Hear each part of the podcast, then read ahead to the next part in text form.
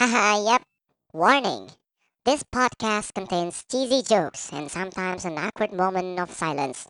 Listener discretion is advised.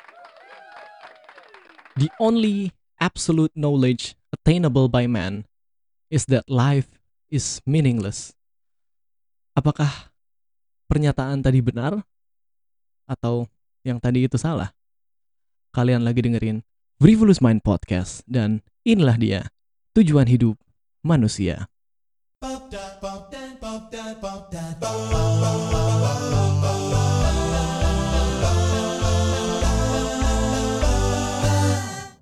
Oke, kembali dengan episode Frivolous Mind Podcast yang sebenarnya ya.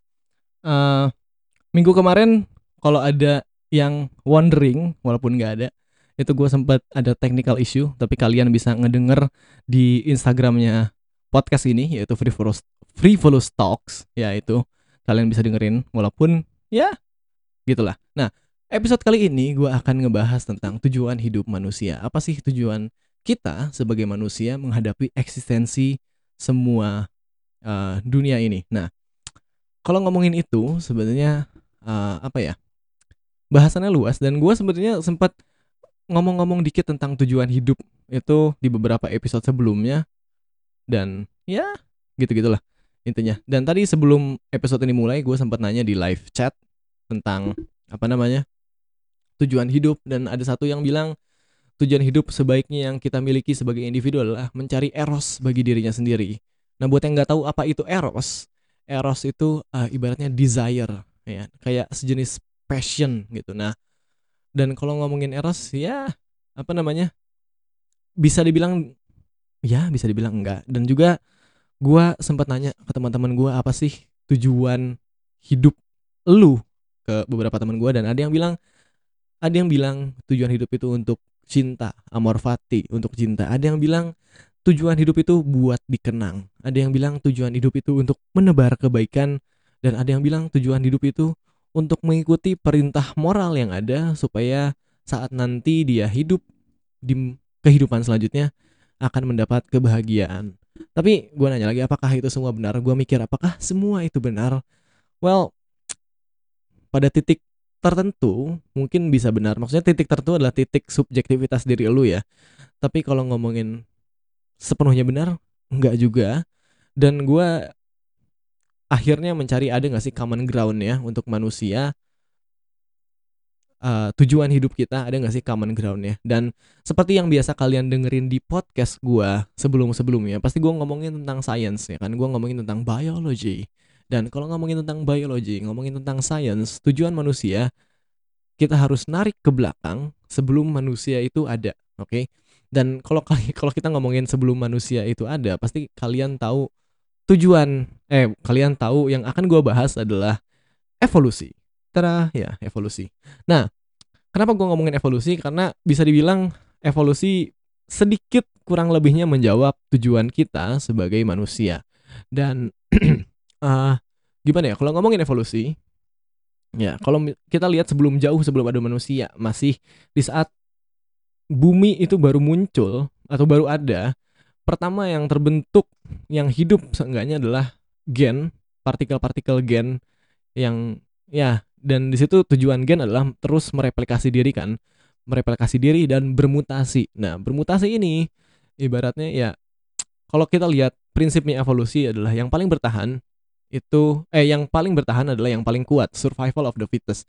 Dan uh, ini terlepas dari perdebatan apakah teori ini benar atau enggak ya tapi di sini gue pengen ngebahas ya.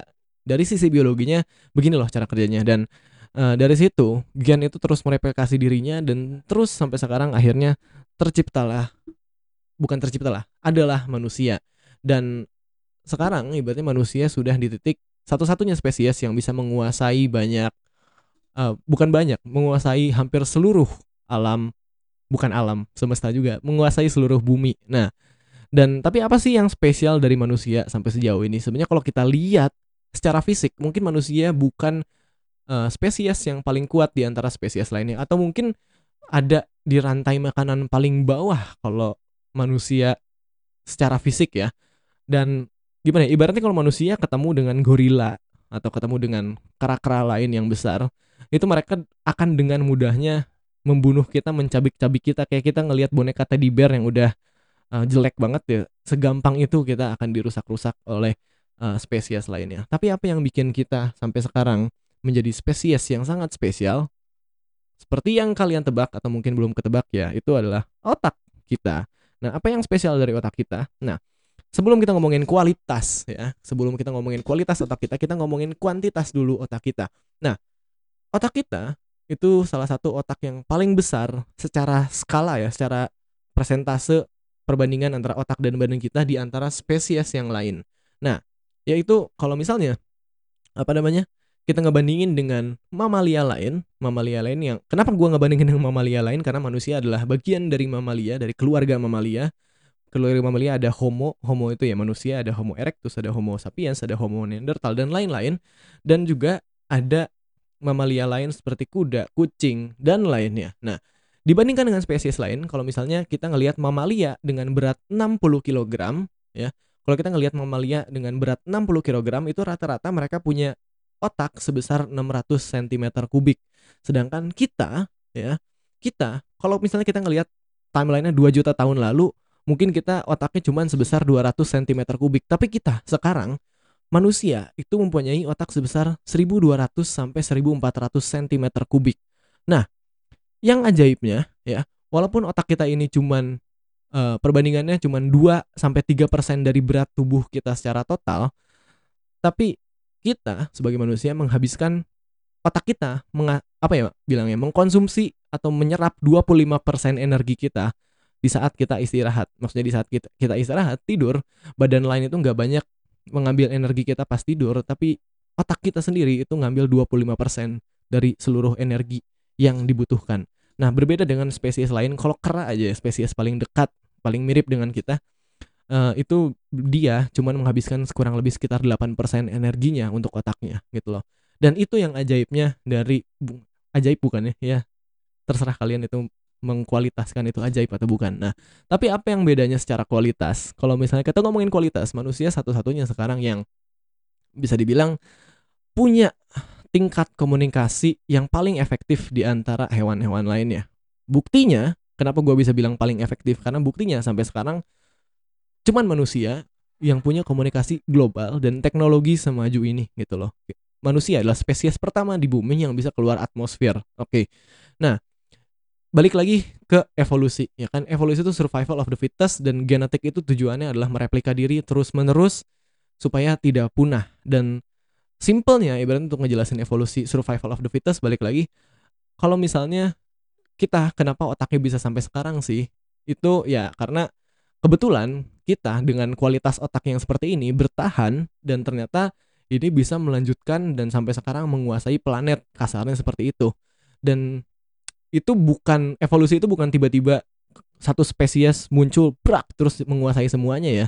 Tapi perubahannya itu mungkin untuk membentuk spesies baru itu mungkin butuh sekitar dua tiga generasi atau mungkin kalau di dikasih pakai timeline tahun mungkin 200, 300 atau mungkin sampai 500 tahun baru terbentuk spesies yang baru.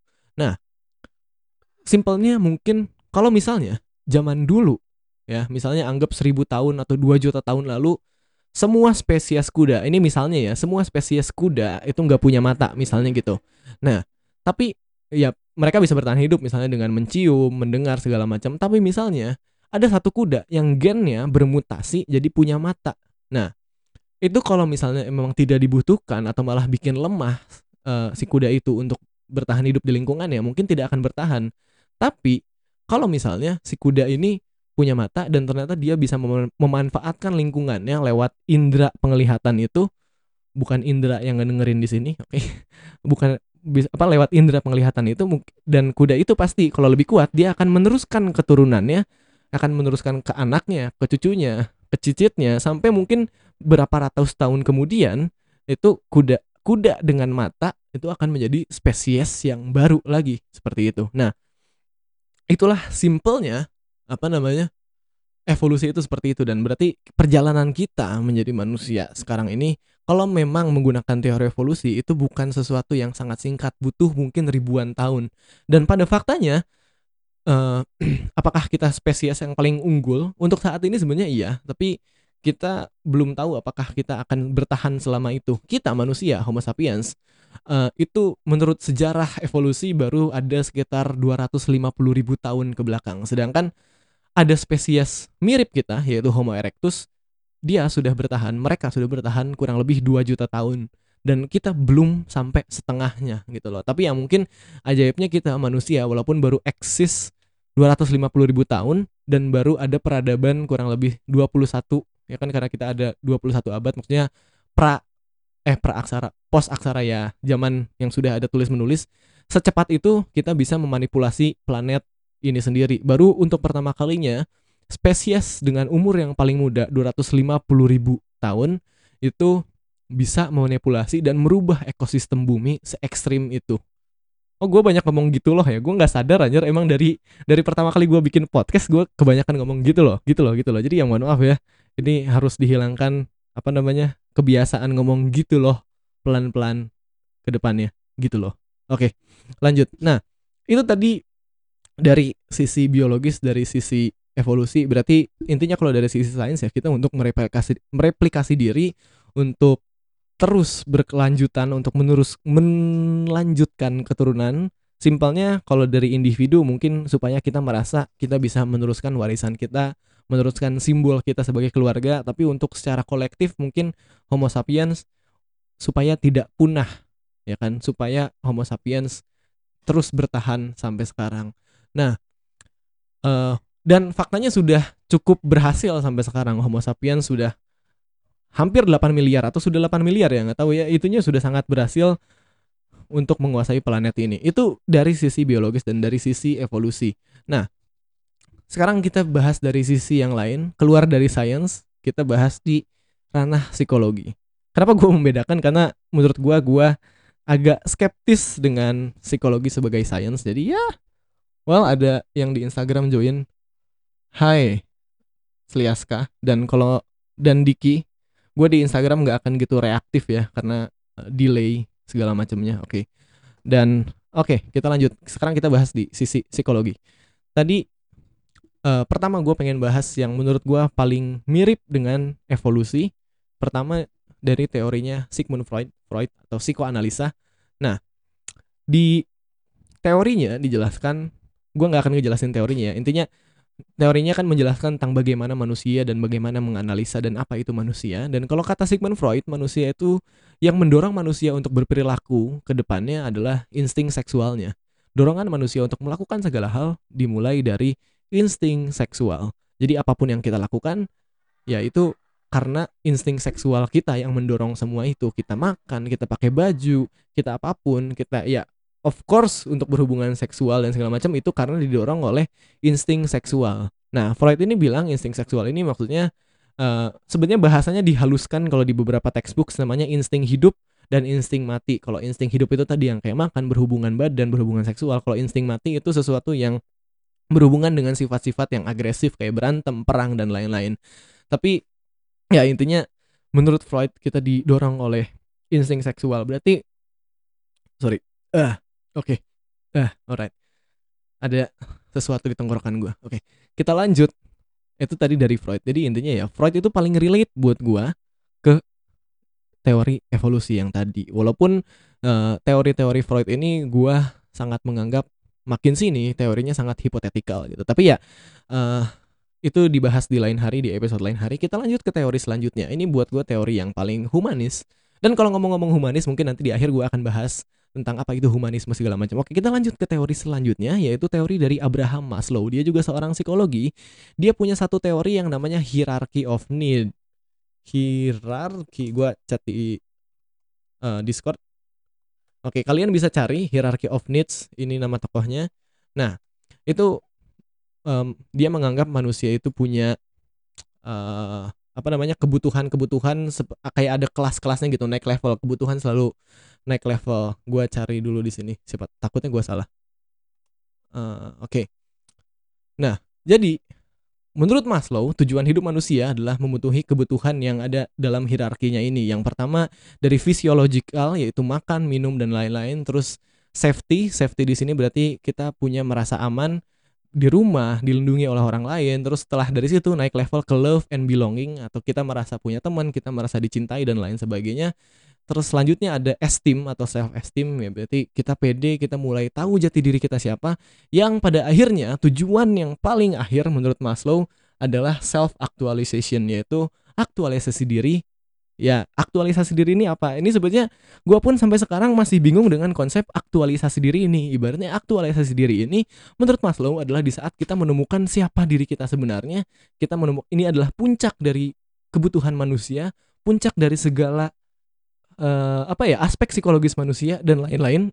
Itu yang membuat ah bukan itu yang membuat itu adalah tujuan manusia sebenarnya menurut Maslow dan kalau ngomongin lagi tentang aktualisasi diri ini bisa dibilang ini sebuah pengejaran yang tidak akan pernah selesai. Karena uh, gimana ya ini adalah sebuah konsep yang sangat menurut gua hipotetikal.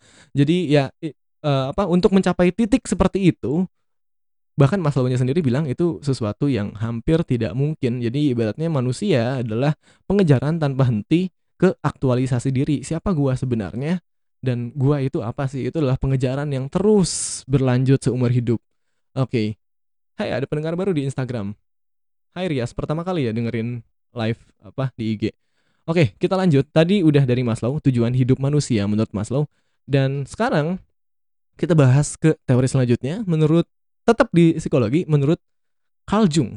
Oh, Carl Jung ini sebenarnya mirip-mirip dengan Maslow dan teorinya sebenarnya lebih kompleks tapi intinya kebutuhan terakhirnya atau tujuan terakhirnya adalah tahap individuasi. Individuasi di sini simpelnya uh, untuk yang awam atau yang belum pernah ngedengar tentang individuasi ini tuh apa sih? Itu adalah di saat uh, diri kita, lingkungan kita, nilai moral kita itu sejalan dengan uh, realitas kita realitas yang kita punya dan juga sebenarnya nggak jauh beda dengan aktualisasi dirinya si Maslow itu tadi ya ibaratnya sama seperti Maslow itu tadi individuasi dan aktualisasi diri adalah pengejaran tanpa henti tanpa henti yang tidak akan pernah berakhir. Manusia terus uh, apa namanya mencari jati dirinya sampai kapan pun dan akhirnya kek mati. Alright. Itu dari teori-teori ilmiah. Dan kalau misalnya kita ngelihat atau mencari tujuan apa sih tujuan hidup manusia secara filsafatnya?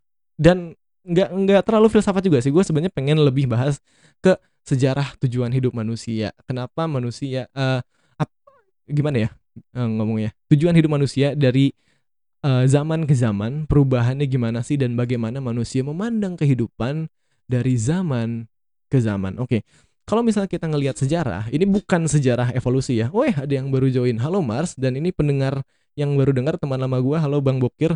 Apa kabar? Selamat datang di live session dari Frivolous Mind Podcast. Oke, kita lanjut ya kita ngomongin sejarah sekarang. Kalau tadi sejarahnya gue ngomongin sejarah evolusi. Kalau sekarang gue ngomongin sejarah peradaban dari awalnya ada manusia. Oke. Dan gimana? Ya? Kalau kita ngomongin tentang awal peradaban sejarah manusia, uh, weh, Instagram gue tiba-tiba end si live-nya. Oke, bodo amat. Gue live di Discord aja. Oke. Uh, lanjut kita ngomongin sejarah peradaban. Nah, kalau kita ngomongin peradaban dari awalnya manusia itu ada, itu awalnya kita kan tiba nggak tiba-tiba langsung ada kerajaan kerajaan kerajaan dan langsung uh, ya segala macamnya yang ada sekarang itu awalnya kita dimulai dari spesies pemburu pengumpul. Maksudnya di zaman dulu sebelum ada tulisan dan sebelum jauh sebelum manusia bisa bercocok tanam kita adalah manusia gua yang mana hidupnya nomaden yang mana hidupnya berburu dan mengumpul berpindah dari satu tempat ke tempat lainnya mencari buruan baru entah buruannya berbentuk binatang, daging atau berbentuk tanaman, berbentuk buah-buahan dan segala macamnya. Nah, itu awalnya kita berawal dari situ loh, kehidupan manusia itu. Dan kalau ngomongin tujuannya mereka, ya mereka tujuannya adalah uh, gimana ya? Lebih lebih terdistingsi, lebih berbeda-beda karena kita pemburu pengumpul berarti otomatis manusia tujuan hidupnya dari tempat A, tempat B itu dipengaruhi oleh ekosistem yang ada. Dan kalau kita ngomongin tentang tujuan itu nggak lepas dari kepercayaan. Kenapa? Kenapa nggak lepas dari kepercayaan? Ya ibaratnya ya tujuan pun tadi kalau kita ngomongin tentang teori-teori sebelumnya aktualisasi diri segala macam kita kan kayak manusia percaya kalau kita bisa mengejar kebaikan. Nah, sama seperti di zaman dulu kalau zaman pemburu pengumpul mungkin kepercayaannya itu kental di animisme. Animisme di sini adalah di suku-suku zaman dulu ya orang-orang uh, percaya dengan penunggu-penunggu yang ada di daerahnya masing-masing. Kalau misalnya di hutan, pasti animisme ini orang percaya bahwa misalnya pohon ini adalah sebuah spirit, spirit atau jiwa atau ruh yang menjaga hutan ini atau bisa juga sebagai binatang di sana apa nih? Apa sih misalnya ada serigala. Orang-orang zaman dulu menganggap serigala ini uh, adalah penunggu dan juga penjaga hutan itu kita harus saling menghormati segala macam. Dan orang zaman dulu juga percaya kalau misalnya mati uh, kalau misalnya berbuat baik segala macam mungkin kita akan menjadi bagian penunggu dan penjaga hutan itu segala macamnya. Dan ada yang menarik sebenarnya kalau di zaman dulu ya zaman pemburu pengumpul ini ada banyak suku-suku pedalaman yang sebenarnya oke-oke aja untuk ngebunuh uh, senior citizen dalam kata dalam kata lain orang-orang lansia di zaman itu ngebunuh atau meninggalkan orang lansia itu buat mereka fine fine aja. Karena buat mereka orang-orang lansia pada zaman itu sudah tidak bisa dibudidayakan. Mereka udah nggak bisa apa-apa udah bisa tidak udah tidak bisa berburu tidak bisa ya melakukan banyak hal. Akhirnya mereka tinggalkan. Dan buat uh, dari zaman dulu itu fine fine aja buat mereka. Sampai akhirnya di satu titik manusia menemukan sesuatu bahwa ternyata oh tanaman di sekitar kita binatang di sekitar kita itu bisa dimanipulasi dan dalam artian kasarnya pada akhirnya bisa membuat uh, tanaman ini dan binatang-binatang ini self self produce buat kita sebagai manusia yaitu terjadi di pada masa revolusi agrikultur agrikultur. Nah, di situ manusia menyadari oh ternyata tanaman bisa dicocok tanam, bisa dipanen, bisa dipanen, terus binatang bisa diternakan dan lain sebagainya. Nah, dari situ mulai ada perubahan moral di situ yang tadi kalau kita ngomongin manusia dulu yang udah lansia bisa dibunuh gitu aja atau ditinggalin gitu aja semenjak manusia tahu kalau ternyata tanaman di sekitar itu bukan sesuatu yang sakral tanaman di sekitar itu bukan sesuatu yang magis dan ada penunggunya malah sampai bisa dimanipulasi. Otomatis moralnya pun berganti. Begitu pula dengan animisme yang awalnya animisme kan percaya bahwa alam di sekitarnya sesakti dan sesakral itu mereka menganggap oh ternyata tidak sesakral itu.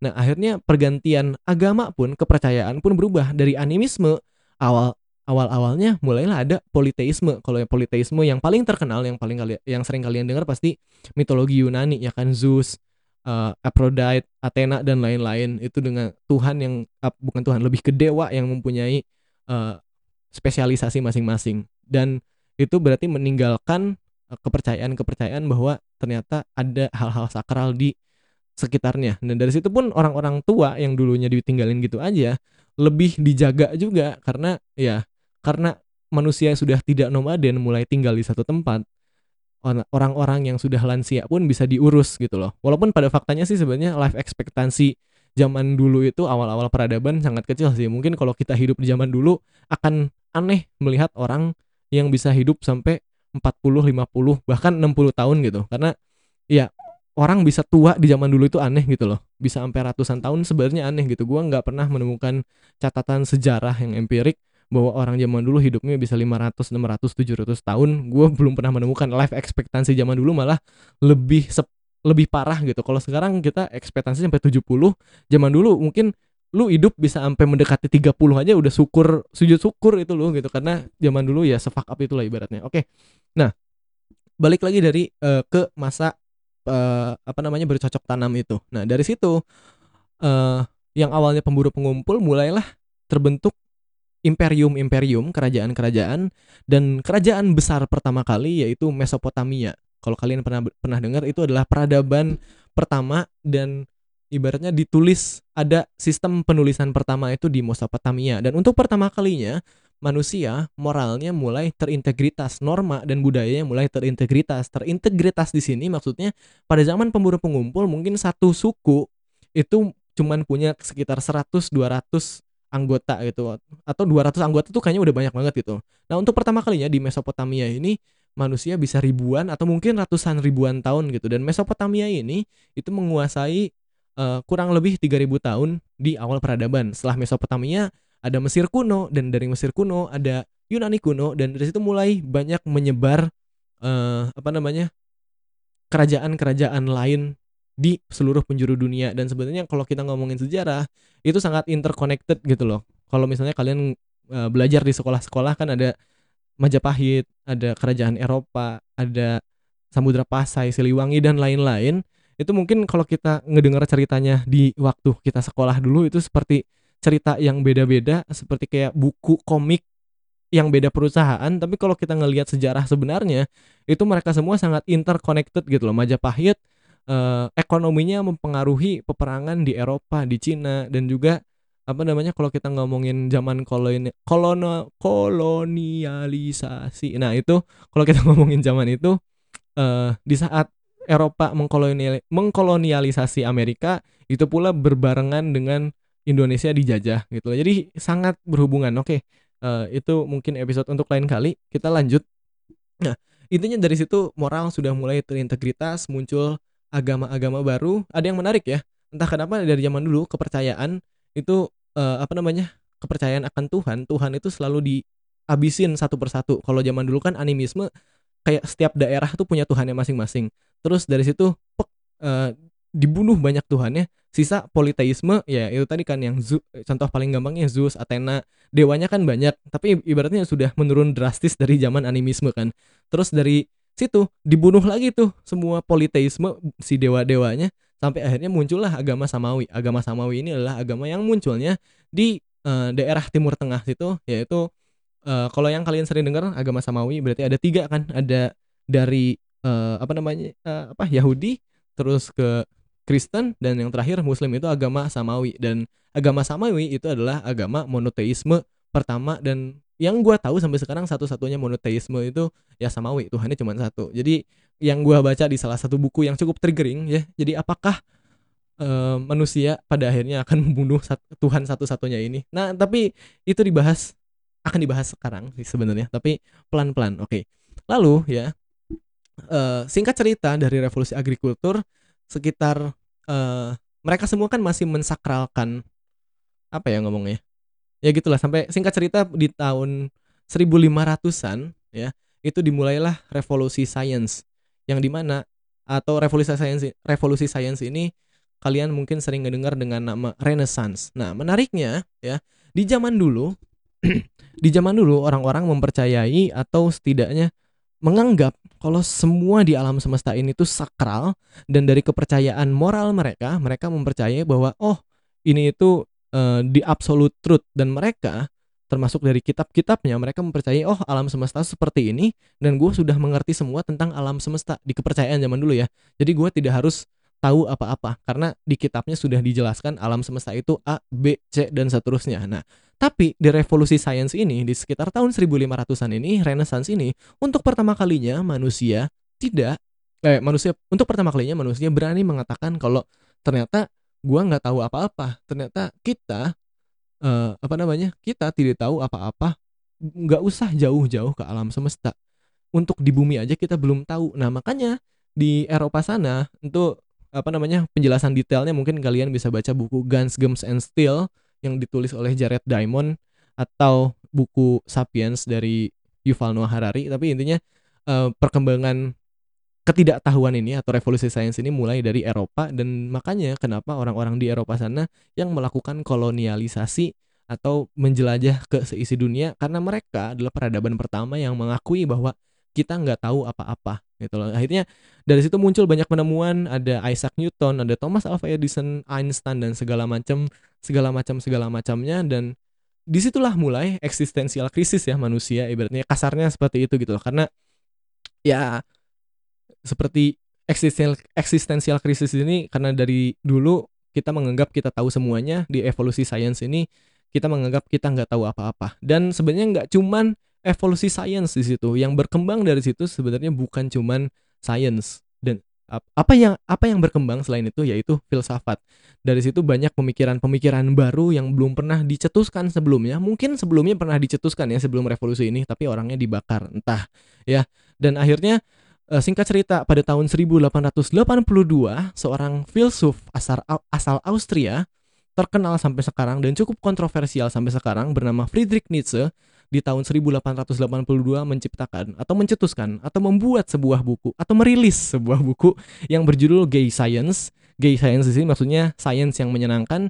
Dalam bukunya dikutip uh, satu perkataan yang sangat kontroversial dan sampai sekarang masih kontroversial. Perkataannya adalah God is dead, yaitu Tuhan telah mati. Nah, maksudnya gimana? Nah, kalau maksudnya gimana? Mungkin uh, Tuhan telah mati ini itu bisa dibahas dengan seiring pertumbuhan agama baru dalam peradaban manusia, agama yang paling kekinian zaman sekarang yang sebenarnya kekinian ini bisa dibilang ya di kurang lebih 300 tahun terakhir mulai berkembang agama baru ini walaupun sebenarnya agama ini nggak pengen disebut agama agama ini pengen disebutnya ideologi yaitu agamanya adalah humanisme. Nah kenapa gue bisa nyambungin God is dead dengan human dengan humanisme ini?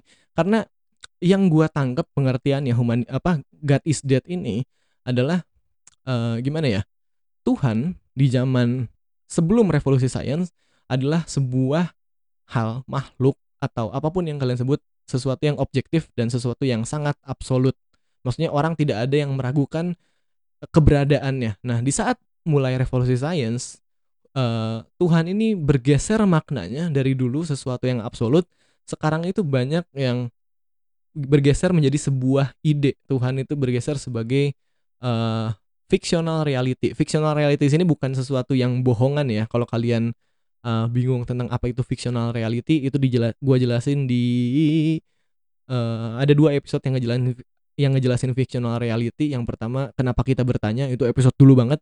Yang kedua di postmodernisme itu episode kemarin-kemarin. Ya. Lanjut ya, Tuhan itu berganti maknanya dulu menjadi dulu itu sebagai makhluk yang absolut, sekarang berganti menjadi sebuah hanya sekedar ide. Jadi dari entity menjadi sebuah gagasan. Maksudnya di sini ya, maksudnya banyak orang yang gimana ya, kalian mungkin kurang lebih nangkep ya. Si artinya dulu itu benar-benar disakralkan. Kalau sekarang itu banyak yang ngomongin tentang keberadaan Tuhan aja.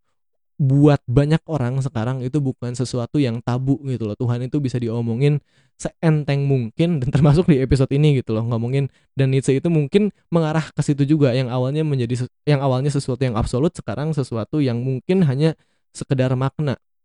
Nah kalau ngomongin makna tadi ya dan tujuan hidup manusia karena revolusi sains ini kan kita mulai galau tentang eksistensi kita buat apa sih di alam semesta. Kalau ternyata dari data-data sains yang tipe dibeberkan, kita tuh bukan siapa-siapa. Kita tuh tidak punya peran penting dalam alam semesta. Akhirnya muncullah agama baru ini yang namanya humanisme.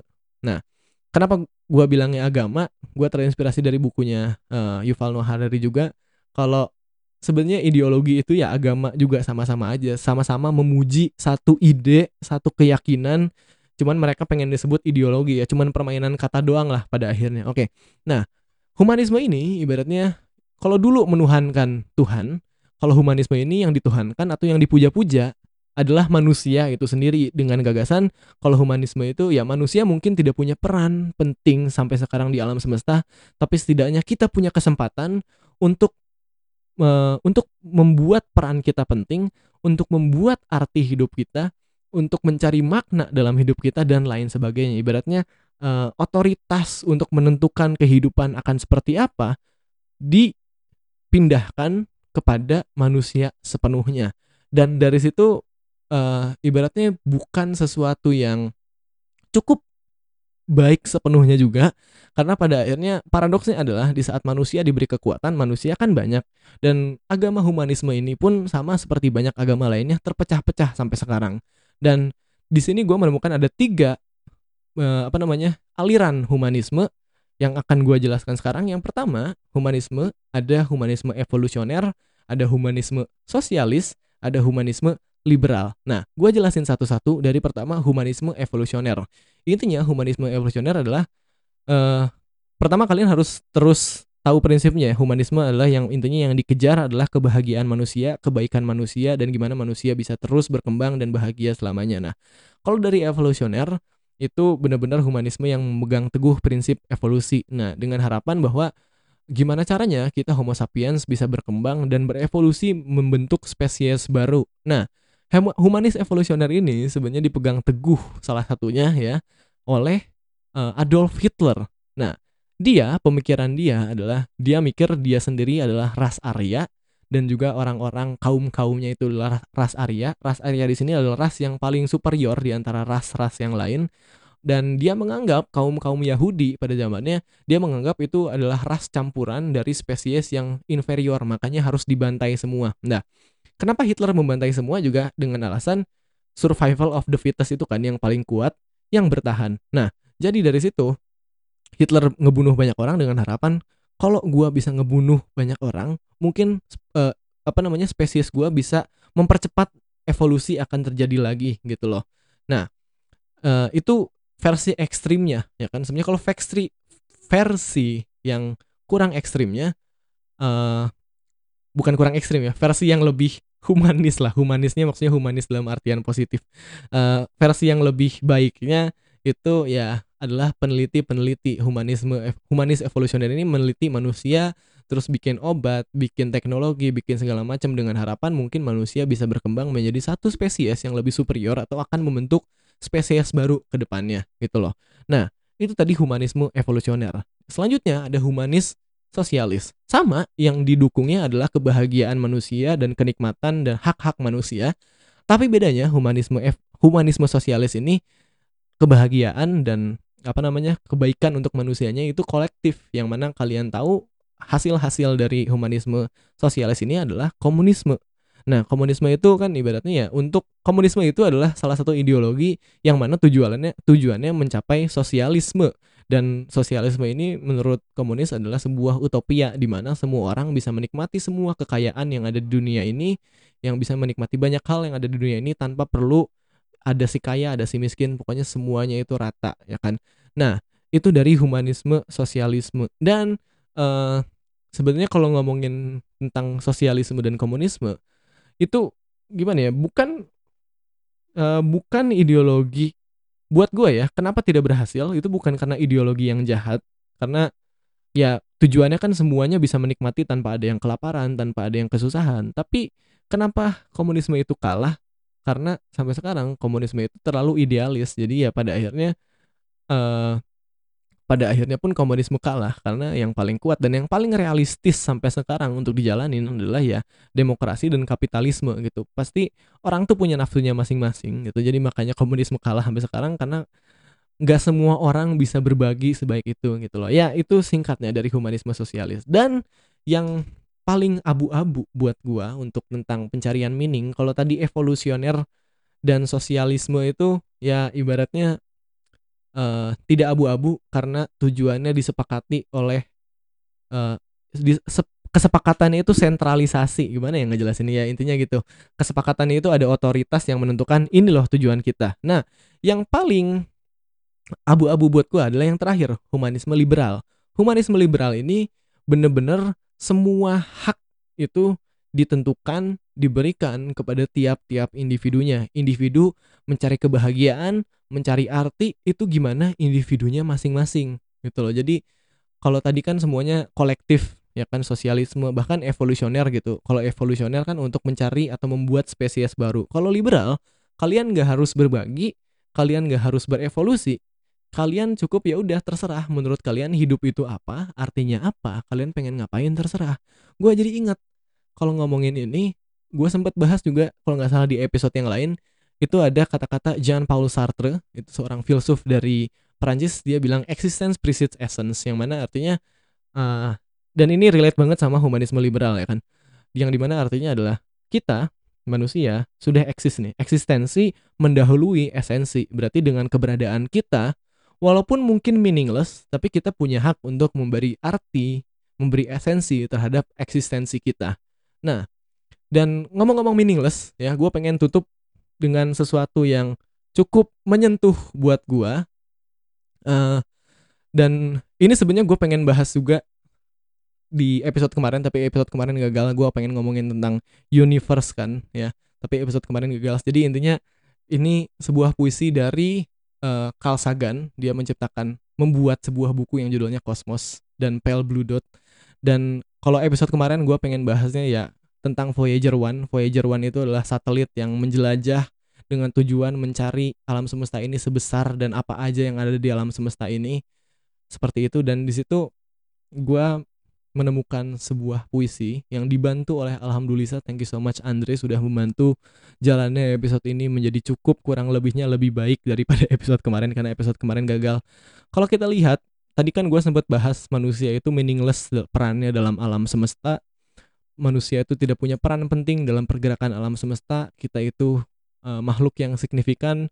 Gue pengen baca sebuah cerita, eh sebuah puisi atau cerita ya dari Sagan. Puisi dari Carl Sagan jadi kalau misalnya kita jauh di alam semesta, kita bisa ngelihat bumi dari Voyager 1 tadi, dari satelit tadi.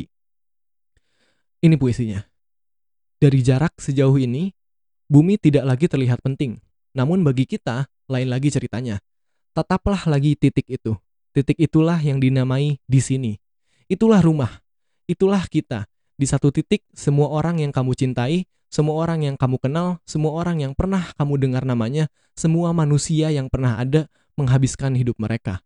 Segenap kebahagiaan dan penderitaan kita, ribuan agama, pemikiran, dan doktrin ekonomi yang merasa benar, setiap pemburu dan perambah, setiap pahlawan dan pengecut, setiap pembangun dan pemusnah peradaban, setiap raja dan petani, setiap pasangan muda yang jatuh cinta, setiap ibu dan ayah, anak yang bercita-cita tinggi, penemu dan penjelajah, setiap pengajar kebaikan, setiap politisi busuk, setiap binatang pujaan, setiap pemimpin besar, setiap orang suci dan pendosa sepanjang sejarah spesies manusia hidup di sana, di atas setitik debu yang melayang dalam seberkas sinar.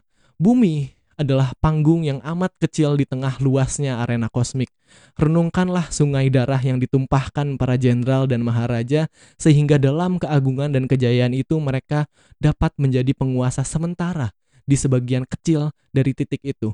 Renungkanlah kekejaman tanpa akhir yang dilakukan orang-orang di satu titik ini terhadap orang-orang tak dikenal di satu titik yang lain. Berapa sering mereka salah paham, berapa siap mereka untuk membunuh satu sama lain, betapa bergejolak kebencian mereka. Sikap kita, keistimewaan kita yang semu, hayalan bahwa kita memiliki tempat penting di alam semesta ini tidak berarti apa pun di hadapan setitik cahaya redup ini. Planet kita hanyalah sebutir debu yang kesepian di alam yang besar dan gelap. Dalam kebingungan kita, di tengah luasnya jagat raya ini, tiada tanda bahwa pertolongan akan datang dari tempat lain untuk menyelamatkan kita dari diri kita sendiri. Bumi adalah satu-satunya dunia sejauh ini yang kita ketahui memiliki kehidupan. Tidak ada tempat lain, setidaknya sampai beberapa waktu ke depan yang bisa dijadikan tempat tinggal. Ada yang bisa ada yang bisa kita kunjungi, tetapi belum ada yang bisa kita tinggali. Suka atau tidak, untuk saat ini bumi adalah satu-satunya tempat kita hidup. Sering dikatakan bahwa astronomi adalah sebuah pengalaman yang menumbuhkan kerendahan hati dan membangun kepribadian.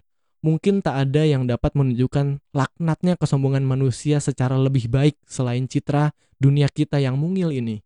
Bagiku, gambar ini mempertegas tanggung jawab kita untuk bertindak lebih baik terhadap satu sama lain dan menjaga serta merawat sang titik biru pucat satu-satunya rumah yang kita kenal selama ini.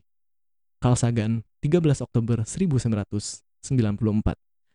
Ya, itu untuk episode ini. Terima kasih banyak buat yang sudah ngedengerin. Kalau kalian ada pertanyaan atau ada kritik dan saran, boleh langsung chat di podcast live chat. Uh, atau ya nanti kita free session setelah ini kita pindah ke bawah. Tapi untuk yang ngedengerin di Spotify, terima kasih banyak. Live Instagram mudahan tadi di tengah-tengah podcast. Sampai ketemu di episode selanjutnya. Kalian lagi dengerin Frivolous Mind Podcast. And as always, Thank you.